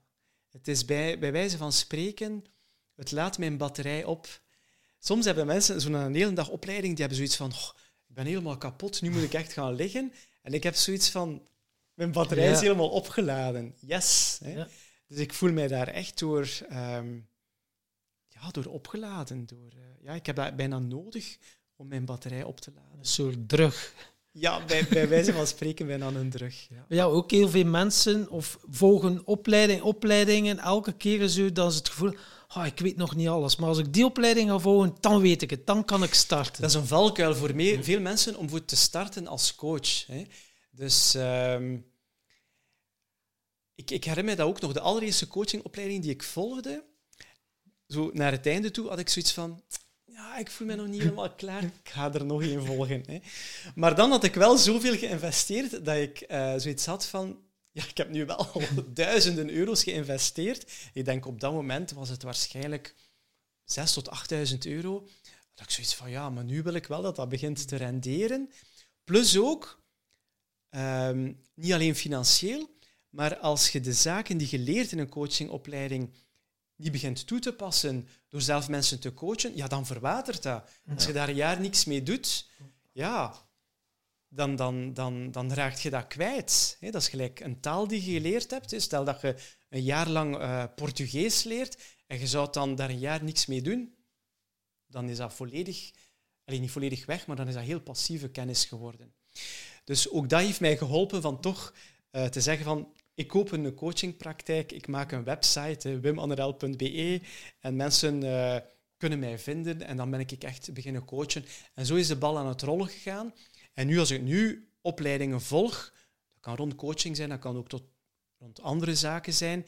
Nu kan ik dat meteen toepassen natuurlijk, hè, omdat ik heel veel coachingklanten heb uh, die mij iets komen dat ik zeg van, oh, maar hier kan ik dit toepassen. Of uh, deze persoon heeft hieraan nood. En hoe groter dat mijn rugzak is, hoe meer keuzes dat ik heb om uit die bagage iets te halen dat mensen het best, het snelst, het effectiefst uiteindelijk kan vooruit helpen. Maar zo'n zo opleiding, hè, dat is, soms is dat meerdere dagen, soms is dat een jaaropleiding. Ja. je krijgt daar tools mee, maar hoe uh, hoe maak je dan het onderscheid van, ah, dit, dit is bruikbaar en dit is eigenlijk info, ja, heb ik eigenlijk niet zoveel aan. Hoe maak jij dat onderscheid? Van zaken die ik in een opleiding zie? Ja? Goh, heel veel is, ja, dat natuurlijk vanaf van de opleiding die ik volg. Maar van de meeste zaken die ik uh, leer, heb ik zoiets van, ja, dit kan ik op een of andere manier wel een keer toepassen. En dan is het meer een soort intuïtie. Hè. Ik ben iemand aan het coachen en dan komt er iets in mij op van ik denk dat deze persoon op dit moment het best geholpen is hiermee. En is dan voor jou parate kennis geworden? Je hebt dat dan volledig opgenomen, hoe dat, in elkaar zit, en dan kun je dat op tafel smijten als het nodig is. Door, door te oefenen. Hè. En, en dat is het grote voordeel van een opleiding ten opzichte van een boek. Ja, Want in een boek, als ik het gewoon lees, ja, dan lees ik er bijna over. En ik ben dan ook iemand die zoveel mogelijk boeken wil lezen. En als er dan oefeningen staan in die boeken, dan zeg ik, ja, ja ik zal dat... Dus je hoeft even oplossen, dus je die vraag, ah ja, ja, dat, dat. Ja, ja, het is dat. Hè. En dan op die manier lees ik wel veel boeken, maar pas ik dat dan niet toe in de praktijk. En, uh, en daardoor is het ook wel nuttig van, van echt opleidingen te volgen, omdat je dan echt in de praktijk dan met mensen inoefent er zijn soms huiswerkgroepjes enzovoort. Om, zo het sparren is zo belangrijk als je zo NLP-opleiding of hypnose, dat is constant dat je oefent met elkaar. Hè, en je, ja, je werkt aan je problemen ook terwijl. Hè, want ja, je hebt altijd wel iets waar dat mee zit uiteindelijk. En nu over uh, jaartrajecten en coachingstrajecten gesproken. Jij uh, doet ook mee in ons jaartraject, het Groeikompas. Wat heeft dat tot nu toe al opgeleverd voor jou? Wel, ik moet zeggen, het, hetgene waar ik het meeste al aan gehad heb, dat zijn eigenlijk de buddies. Je hebt dat waarschijnlijk nogal gehoord. Ja. En dan het, het unieke vind ik ook dat het niet uh, in duo's is, maar eigenlijk in groepjes van vier. En dat vond ik ook wel heel verrijkend. omdat in sommige opleidingen heb je inderdaad wel een buddy, een soort accountability partner, om, om zo uh, te noemen. Maar hier zit je met vier en dat geeft toch wel extra chemie eigenlijk. En toch wel iets, uh, iets extra. En ehm, ja, bijvoorbeeld deze morgen heb ik dan zo, we hebben zo'n WhatsApp-groepje, heb ik dan zo'n berichtje gestuurd aan mijn buddies van, oh, ik zit straks in de Tim Tom podcast en dan krijg ik daar direct reactie op. En dat is eigenlijk zalig. Ja, dat is echt uh, dat is super fijn om zo ja, meteen mensen te hebben die samen een pad afleggen en die, ja, waar je bij terecht kunt en die ook bij u terecht kunnen. En ja, dat vind ik echt wel uniek daaraan. Ja. ja, we hebben daar een beetje het mastermind-principe proberen ja. introduceren. En dat je met gelijkgestemden omringt en gezamenlijk aan één doel werkt. En in dit geval is dat dan persoonlijke groei, de reis, die, die ontdekkingsreis die jullie samen maken. En het is wel tof om dat terug te horen ook. Ja. Um, en als je, ja, wat, is volgens jou dan de, de sterke kant van, van met vier daar in zo'n groepje te zitten? Ja, iedereen heeft zo zijn eigen invalshoek zijn eigen manier om naar de dingen en naar de wereld te kijken. En doordat je het over die onderwerpen hebt, zoals persoonlijke groei en, en zelfontwikkeling, krijg je eigenlijk, ja, in plaats van één andere invalshoek, krijg je er ja, drie andere, hè, van, van de drie andere buddies. En, uh, en dat maakt het zo verrijkend, vind ik. Ja, ja. ja, er is plots geen mening meer, maar een, ja, een intervisiemoment ja, dat je iedere keer creëert. Ja, zeker, zeker. Dan uh, hebben we dat goed bedacht, dan werkt het zoals we bedacht hadden. Uh, daar zijn we ook blij om, om te horen. Ja, ja, ja. Um, ja, de, de rode draad van onze podcast is uh, geluk en succes. Mhm. En ja, we zijn altijd wel benieuwd. Voor iedereen is dat anders. maar hoe, hoe, kijk jij naar die twee begrippen? hoe zou jij bijvoorbeeld geluk omschrijven? Hoe zou ik geluk omschrijven? Voor veel mensen is geluk eigenlijk een te groot concept. Weet je, geluk is eigenlijk, ja, het is ook een zelfstandig naamwoord, terwijl geluk is niet iets dat je kunt vastpakken. Het is geen ding. Je kunt niet in een kruiwagen leggen. Het is wat we noemen een nominalisatie. Dus om het eigenlijk vatbaarder te maken, zou het anders moeten omschrijven als bijvoorbeeld je goed voelen. En dan is het voor veel mensen veel vatbaarder. Je goed voelen. En je goed voelen ondanks moeilijke omstandigheden. En dat is wel iets dat je kunt leren. Dat is iets waar je veel meer uh, vat op hebt. Hè? Van hoe kan ik mezelf leren uh, goed voelen, ondanks misschien de omstandigheden waarin dat ik leef of, of die, die zich nu voordoen. Je kunt geluk natuurlijk, je kunt ook een cijfer geven. Hè. Je kunt zeggen, hoe gelukkig voel ik mij op een schaal van 0 tot 10? En ik geloof ergens dat je je ook zelfs te gelukkig kunt voelen. Oké. Ehm, in die zin dat... Stel nu dat iemand zegt, oh, geluk, ik scoor mezelf daar een 9 of een 10 op 10 op. Hè. Dan voelt je zo gelukkig dat je eigenlijk niks niet meer moet doen. Hè. Dan komt je eigenlijk je zetel niet meer uit, want je voelt je zo gelukkig. Terwijl wat ik denk dat ook belangrijk is in het leven, dat is een betekenisvol leven leiden. Dat is het gevoel hebben, hetgeen dat ik doe, dat geeft zin aan het leven. Dat geeft voldoening. Dat geeft betekenis aan het leven.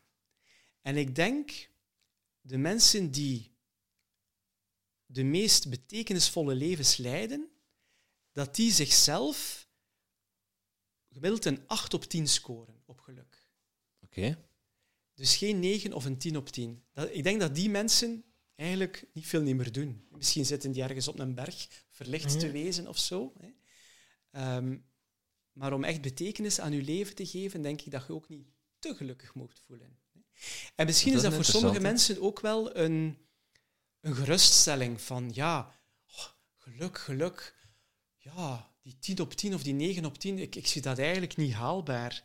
Dat hoeft dus ook niet. Ja, maar dat klopt inderdaad wel. Als je te gelukkig bent, dat belemmert uiteindelijk jouw groei. Hè? Ja, want, ja, als je, Want dan is er niks niet meer Nee, om, als om je te- zo die groeigrens gaat opzoeken, Ja. tuurlijk gaat dat gepaard met pijn en met wat angst en onzekerheid. En Ja. dat past niet bij gelukkig zijn. En dan heb je iets, oké, ja, dat is eigenlijk wel eh, ja, een mooie verdieping. Ja. En wij, wij hebben in ons groeitraject, in ons groeikompas, eh, natuurlijk het groeikompas, de vier G's, geld, geluk, groei en gezondheid. Eh, daar zit geluk ook in en wij vragen dan om daar een, om dat te definiëren. Hè? Dus om het concreet te vertalen naar voorwaarden voor, voor jouw leven. Van wanneer, als we het hebben over de wind richting geluk, eh, welke voorwaarden zitten daar voor jou aan? Hoe, welke dingen heb jij daar benoemd? Geluk is eigenlijk een leven volgens wat ik belangrijk vind in mijn leven. Waarden zou je dat kunnen zeggen. Hè. Wat ik belangrijk vind in mijn leven is eh, zeker eh, ja, groei en ontwikkeling, zowel voor mezelf als voor andere mensen. Ik wil graag andere mensen inspireren en hun leven lichter maken en hen laten groeien. Liefde is ook een hele belangrijke voor mensen dicht in mijn buurt, maar ook ja, voor, voor een iets groter geheel.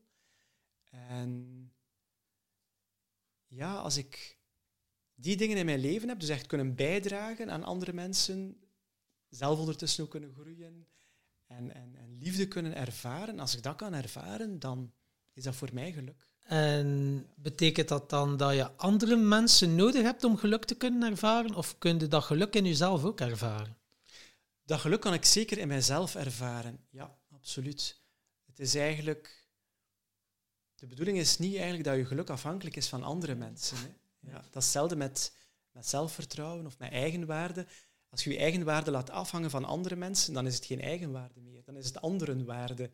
Dan laat je andere mensen aan uw waarde toekennen en dan ben je volledig afhankelijk van hoe de andere mensen naar u kijken of hoe dat je denkt dat andere mensen over u denken. Wat ook een valkuil is bij perfectionisme bijvoorbeeld, omdat daar ook die bevestigingsdrang in zit.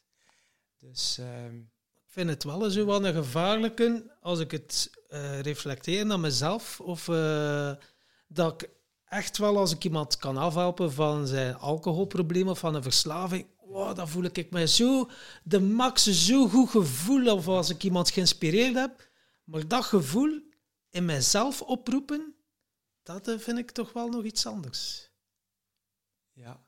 Maar als je iemand geholpen hebt, dan voel Dan je voel ik me jezelf- echt wel heel Ja. gelukkig. Maar doordat ik iemand geholpen heb, maar als ik zo alleen in de zetel zit of zo, en ik wil dat gevoel oproepen, ja, dat is... eh, Ja, ja. Terwijl dat, dat zeker wel kan uiteindelijk. wat zit hè. in jou, Ja, dat het gevoel zit hè, in u, hè. uiteindelijk. Ja, absoluut. Ja. Daarvan denk ik van, ja, oké, dat gevoel kan ik als ik iemand anders inspireren, maar hoe creëer ik dat gevoel in mezelf zonder iemand anders te inspireren, bijvoorbeeld? Ja, dat is die, die, die, die ergens die drang naar bevestiging hè, van buitenaf. Zou kunnen. We hadden in eh, de podcast met Els van Laken, eh, route 74, hadden we het over eh, de complimenten-inbox. De matchbox, zoals zij het noemde. Is dat je bijvoorbeeld je e-mail eh, bijhoudt als je complimentjes krijgt over iets wat je, wat je goed gedaan hebt. Of, of dat je daarin dingen opslaat die je herinneren aan, aan een succesmomentje of aan een eh, momentje van euforie, waar je dat goede gevoel had door dat complimentje, maar ook vooral door, door wat je daar voor inspanningen voor geleverd hebt. En dan komt dat gevoel, als je, ja, als je daar eens doorheen bladert, komt dat gelukzalige gevoel ook wel rap terug, moet ik zeggen. Ja, dat is waar. Ik ben het beginnen toepassen nu een paar weken en eh, eh, er zit nog niet zoveel in.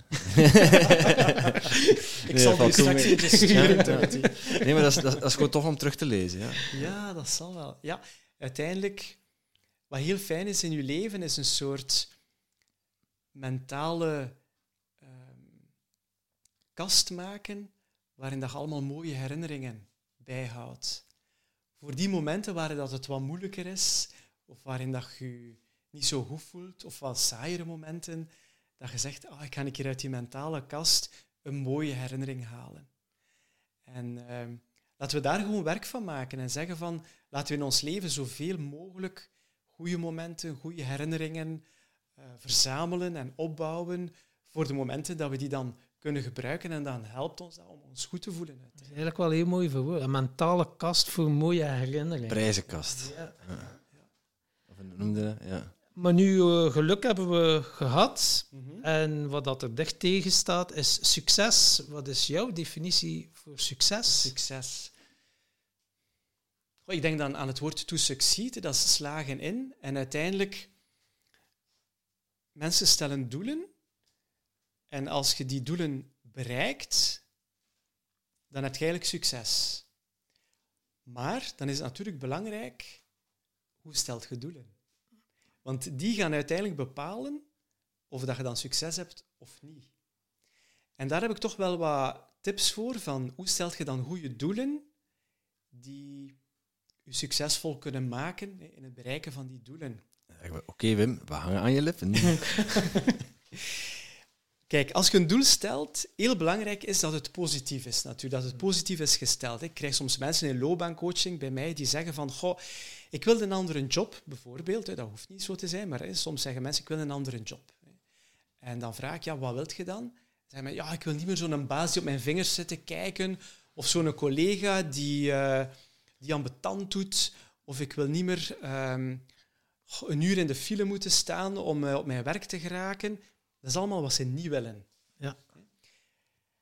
Op zich, een goed, welgevormd doel is eigenlijk een doel dat positief is geformuleerd. Hè. Wat wilt je dan wel, is dan de logische vraag. Ik weet niet Dus dat wat is ik wil. belangrijk, Ja. zeg je? Ik weet niet wat ik wil. Ik weet niet wat ik wil, maar misschien weet je wel wat je niet wil. En dan kunnen we natuurlijk beginnen omdraaien. Als je geen een baas wilt die op je vingers zit te kijken, wat wilt je dan wel? Een baas die... Ah, ik wil een job met veel autonomie, waarin dat ik eh, het gevoel heb van ik heb inspraak of ik kan zelfstandig mijn taken bepalen en eh, ik, ik moet wel resultaten halen, maar ik kan zelf kiezen op welk moment ik wat doe bijvoorbeeld. Hè. Als, als dat uw definitie is van autonomie, dan zitten we al een stap in dat positieve. Een andere tip om doelen te stellen is om het ehm, onder je eigen controle te maken. Je kunt niet zeggen als doel, ik wil de lotto winnen. Hè. Of ik wil dat mijn partner meehelpt in het huishouden. Nee, dat is een doel voor uw partner. Dat is niet uw eigen doel. Hè. Je kunt er wel een doel voor jezelf van maken. Is Eh, ik wil leren om zo te communiceren met mijn partner dat die meer meehelpt in het huishouden. Hè. Of, eh, Maar dus, het moet eigenlijk ergens onder uw eigen controle zijn. Als dat niet zo is, ja, dan gaat dat heel moeilijk zijn om dat te bereiken en om, om succes te bereiken. Een, uh, iets anders is dat als je een doel stelt, dat het een doel is dat past bij wie dat je bent. Dat past bij je waarden. En dat ook, als je het bereikt, geen negatieve gevolgen heeft voor jezelf of voor de mensen rondom je. Ja, ecologisch zijn eigenlijk. Dat het ecologisch is, inderdaad. Ja. En dan ook, wat ook helpt om je goed doel te stellen, is dat je kunt voorstellen van wanneer ga ik dat bereikt hebben. Dus dat het eigenlijk specifiek is, of ook in een bepaalde context. Als mensen zeggen van, ik wil meer zelfvertrouwen. Hm. Wanneer wilt je meer zelfvertrouwen? Wilt je meer zelfvertrouwen als je aan het slapen bent? Ja, nee, dan nu niet. Uh, wilt je meer zelfvertrouwen op het moment dat je aan het wandelen bent met je hond? Ja, nee, eigenlijk dan ook niet. Ja, wanneer wilt je dan meer zelfvertrouwen? Als ik een presentatie aan het houden ben, bijvoorbeeld. Of als ik aan het daten ben, bijvoorbeeld, dan wil ik meer zelfvertrouwen. Powerpose. In die, ja, hè, powerpose. Hè. In die context wil ik meer zelfvertrouwen. Hè. Dus dat kan ook handig zijn om het zo specifiek mogelijk te maken, om dat in een bepaalde context te zetten. En maak het smart, zeggen ze wel eens. Of wij noemen het, ik noem het liever slim, specifiek, levendig, inspirerend en, uh, en meetbaar. motiverend, als het niet meetbaar is. Ja. Niet alles is meetbaar. Ja, het is dat. Hè. Niet alles is meetbaar, maar inderdaad, dat, dat het wel zo in een context is en dat je ook weet van hoe ga ik weten dat ik dat doel dan bereikt heb? Dat is voor mij zo de definitie van meetbaar. Hè. Dat hoeft niet in kilo's of in euro's daarom uitgedrukt te zijn, maar ehm, wel hoe ga ik weten dat ik dat doel bereikt heb? Want anders kan ik het niet bereiken. Dan ga ik dus ook nooit succes hebben. Zie je? En ja, dat is eigenlijk dan hoe dat je voor mij succes kunt hebben, hangt samen met hoe dat je doelen stelt. Want succes hebben is eigenlijk gewoon je doelen bereiken. Hè. En zolang dat je ze niet bereikt hebt, kun je kijken, ja, wat moet ik dan veranderen aan mijn doel of hoe dat ik het bereik om, het, om toch dat succes te hebben. Mensen dan nu zo denken, wauw, doelen stellen, ik doe dat nog niet gans mijn leven. Eh, mensen die ermee willen beginnen, uh, ja, zeg je dan bijvoorbeeld, oké, is, je stelt een jaardoel van oké, dat wil ik bereikt hebben binnen twaalf maanden en dan heb je ook een kwartaaldoel, een maanddoel, een weekdoel en een, ja, een dagdoel om dat jaardoel te kunnen bereiken. Of nu blijkt uit onderzoek dat um, de beste uh, doelen dat die vaak op 90 dagen zijn. En wat is een uitleg daar rond? Dat een jaar is voor het menselijk brein nogal lang. Dat is zo van, ja, een jaar, ik heb nog heel veel tijd, ik moet er eigenlijk nu nog niet te veel voor doen. Terwijl um, doelen op zeer korte termijn kan je natuurlijk ook hebben. Je kunt een doel voor de komende week hebben of voor een, een doel voor de komende maand. Maar dat zijn redelijk kleine doelen die misschien niet zoveel gaan veranderen in je leven. Terwijl als je een doel hebt op 90 dagen, dat is drie maanden, ja, dat is toch al een termijn waarop dat je één, al het een en het ander kunt doen, maar twee, dat dicht genoeg is ook voor je brein om te weten van, ja, uh, hier moet wel actie worden ondernomen. En uh, ja, dat, dat einddoel is niet zo ver verwijderd. Dus er is al urgentie eigenlijk ja, van, er zit van een in begin al. urgentie in. Hè? Ja, ja, absoluut. En, uh, maar dat sluit niet weg dat je ook langere termijn of en kortere termijn doelen kunt hebben. Maar je kunt ze wel opsplitsen, inderdaad. Maar blijkbaar is een goede termijn 90 dagen. 90 dagen. Ook, uh, zaken dan, stel dat je een jaardoel hebt, dat je dat misschien opsplitst in, in doelen per uh, trimester, is dat dan. Hè? Ja. Om, om te weten van daar wil ik dan staan op, op die termijn. Want anders, stel dat je alleen maar een jaardoel hebt, en dat niet opsplitst, dan zou het wel een keer kunnen zijn dat je over een jaar zegt van ja, ik ben nu eigenlijk niet zo ver geraakt. En dat komt dan omdat je vaak geen tussendoelen hebt gesteld. Ja, in dat jaartraject werken wij ja, vier doelen op, elk, ja, op welke windrichting, op gezondheid, op groei. En dat je dan een allerbelangrijkste doel kiest, waar je dan elke dag actie op onderneemt. Ja. En hoe gaat dat bij jou? Is dat bij jou in de maand december dat je zoiets hebt? Oké, ik ga mijn doelen stellen nu voor het jaar 2022 of... of uh... de, de doelen die ik stel, die zijn eigenlijk... Zijn dat niet een soort resultaatdoelen, maar heel veel procesdoelen. Dus dat wil zeggen, ik stel me eigenlijk op weekbasis eh, een aantal doelen. Van ik wil bijvoorbeeld, uh, zeg maar iets, uh, deze week zeven keer gaan wandelen. Of ik wil deze week zoveel uur een vreemde taal ingestudeerd hebben. Of ik wil deze week zoveel in een boek gelezen hebben, bijvoorbeeld. Het zijn echt procesdoelen waarvan dat ik weet, als ik die consistent doe, dan kom ik op termijn heel ver. Ja. Want voor mij is dat een van de geheimen van succes. Dat is consistentie. En ik merk dat ook bij jullie, bij de Tim Tom podcast, dat jullie heel consistent uh, opnames doen en podcasts uitbrengen. Jullie doen dat niet zo van ja, we hebben een keer hoesting van de maand om een keer een paar podcasts op te nemen. En dan, uh, ja, nu past het precies niet meer, want het is heel druk in ons leven enzovoort. Nee, jullie doen echt consistent een planning. Iedere week Iedere een nieuwe aflevering. Hè, Zowel voor opnames hè, en, en, dan ook voor, uh, voor ze online te zetten. En dat is voor mij een van de geheimen van het succes van jullie podcast, waardoor dat die nog altijd bestaat, waardoor je altijd maar meer luisteraars hebben. Dat is consistentie. En dat is eigenlijk voor heel veel dingen in het leven zo. Dat is consistentie. Dat is niet met pieken en dalen. Dat is eigenlijk trachten elke week, soms elke dag voor bepaalde dingen, handelingen doen die u helpen om ergens toe te komen. Dus als ik het goed begrijp, je hebt een week en dan zei je, oké, ik wil uh, vier uren een vreemde taal leren, ik wil zoveel uren dat doen, en dan ga, ga jij het in je agenda inplannen. Ja, dus morgens bijvoorbeeld hè, zeg ik van oké, welke vaste afspraken heb ik hier hè, voor het coaching, klanten en zo, die plan ik. En dan heb ik mijn weekplan uh, erbij van wat wil ik deze week doen. En dan begin ik zo de andere zaken in te plannen van oké, wat, uh, wat, uh, wat ga ik vandaag daaraan doen bijvoorbeeld. Okay. En plan je ook je vrije tijd in?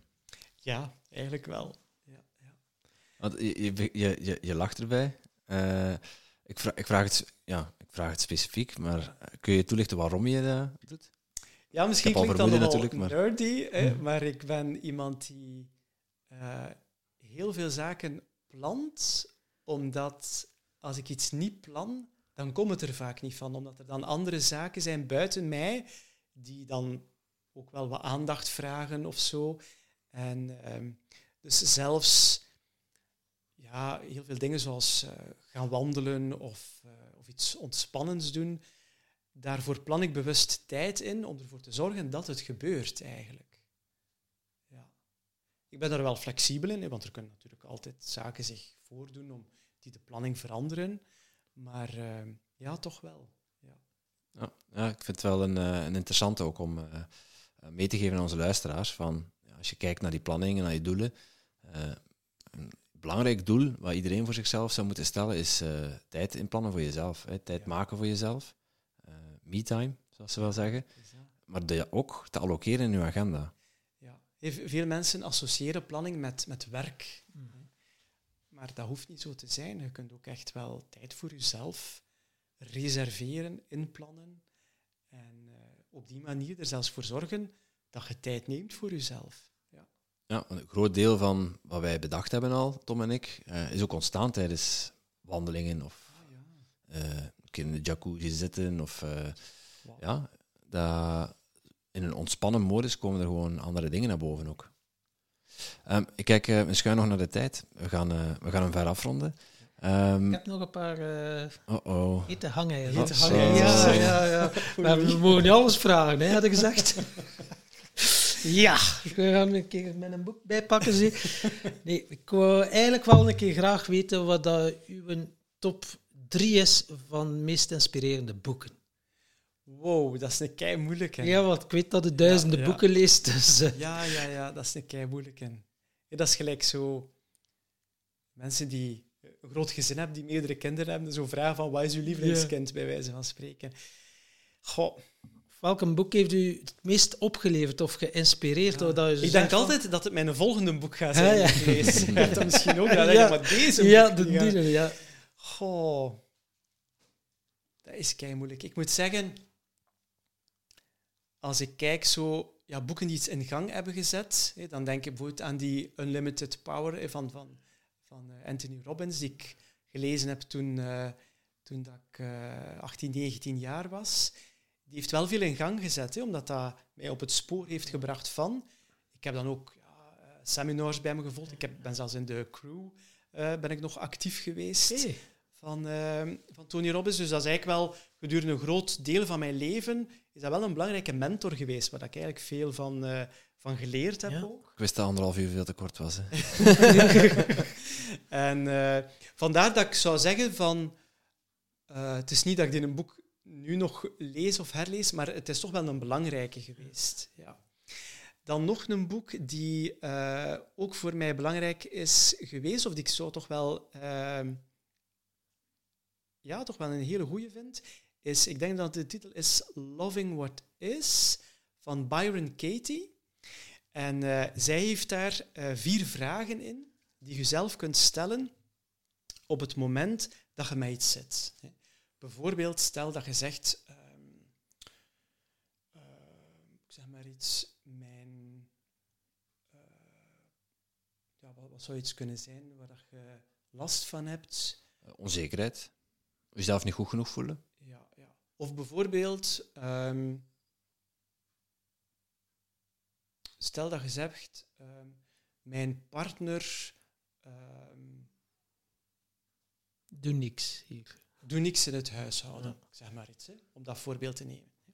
Dan zegt ze- zij van, stel je eerste vraag, is dat waar? Als u echt u de vraag stellen, is dat waar? Mijn partner doet niets in het huishouden.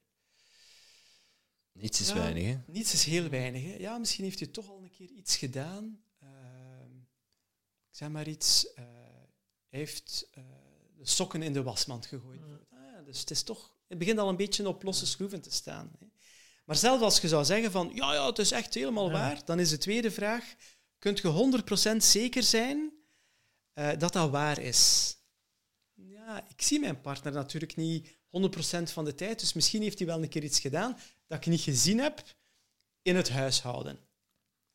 Het zou me verbazen. Maar, eh, nee, nee.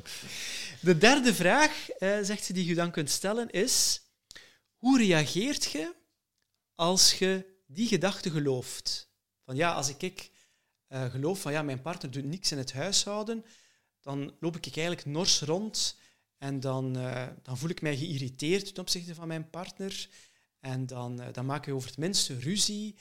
En dan, ehm, ja, dan, dan, eh, ja, dan begint dat zo bij mij zo te koken en zo, als ik zo weer zelf met van alles bezig ben.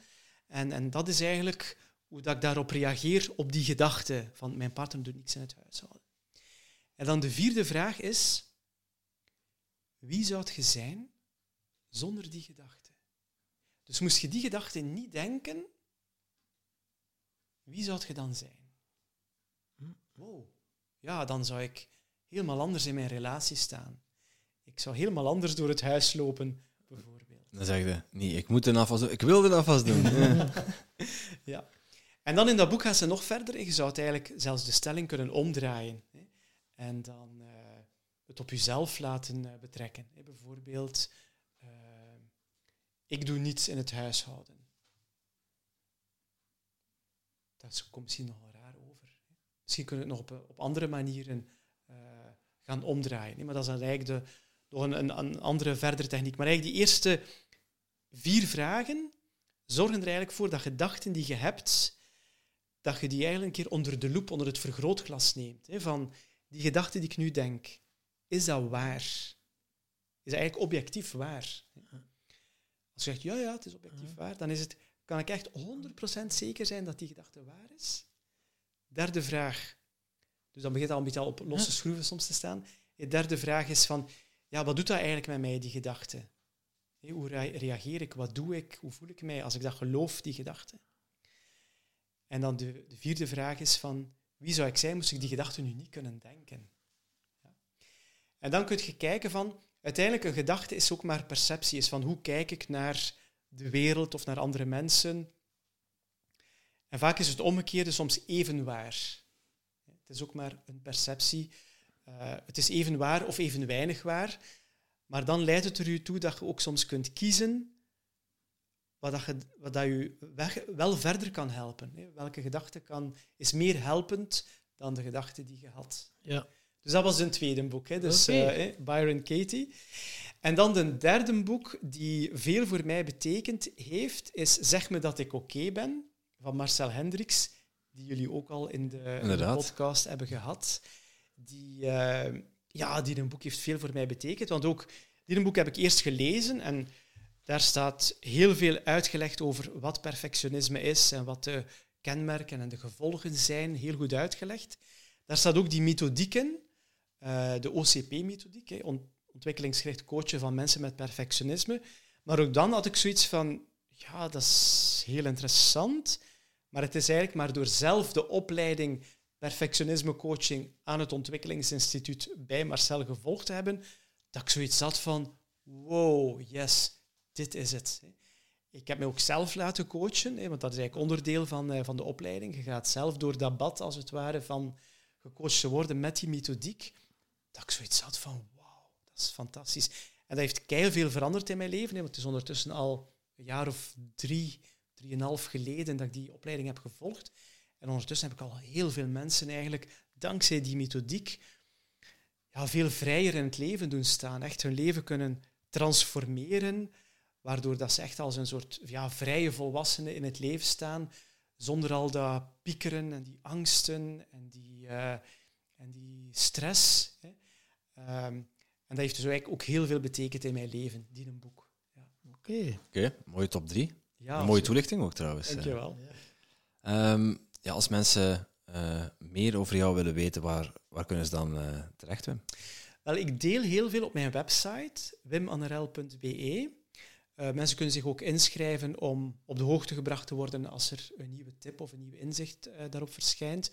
Maar ik denk dat ehm, er ondertussen dat er al meer dan 500 tips en inzichten voor meer geluk en succes op die website staan. Kijk, Dat mensen gewoon kunnen... eh, mooi bron. lezen. Ja. ja. Wij zullen ook eh, uit dit gesprek een aantal wijsheden filteren en dan zetten wij op onze blog. En in die blog zullen we ook een link zetten naar jouw website. Dan kunnen mensen daar eh, doorklikken naar, eh, ja, om nog meer geïnspireerd te worden. Super, ja.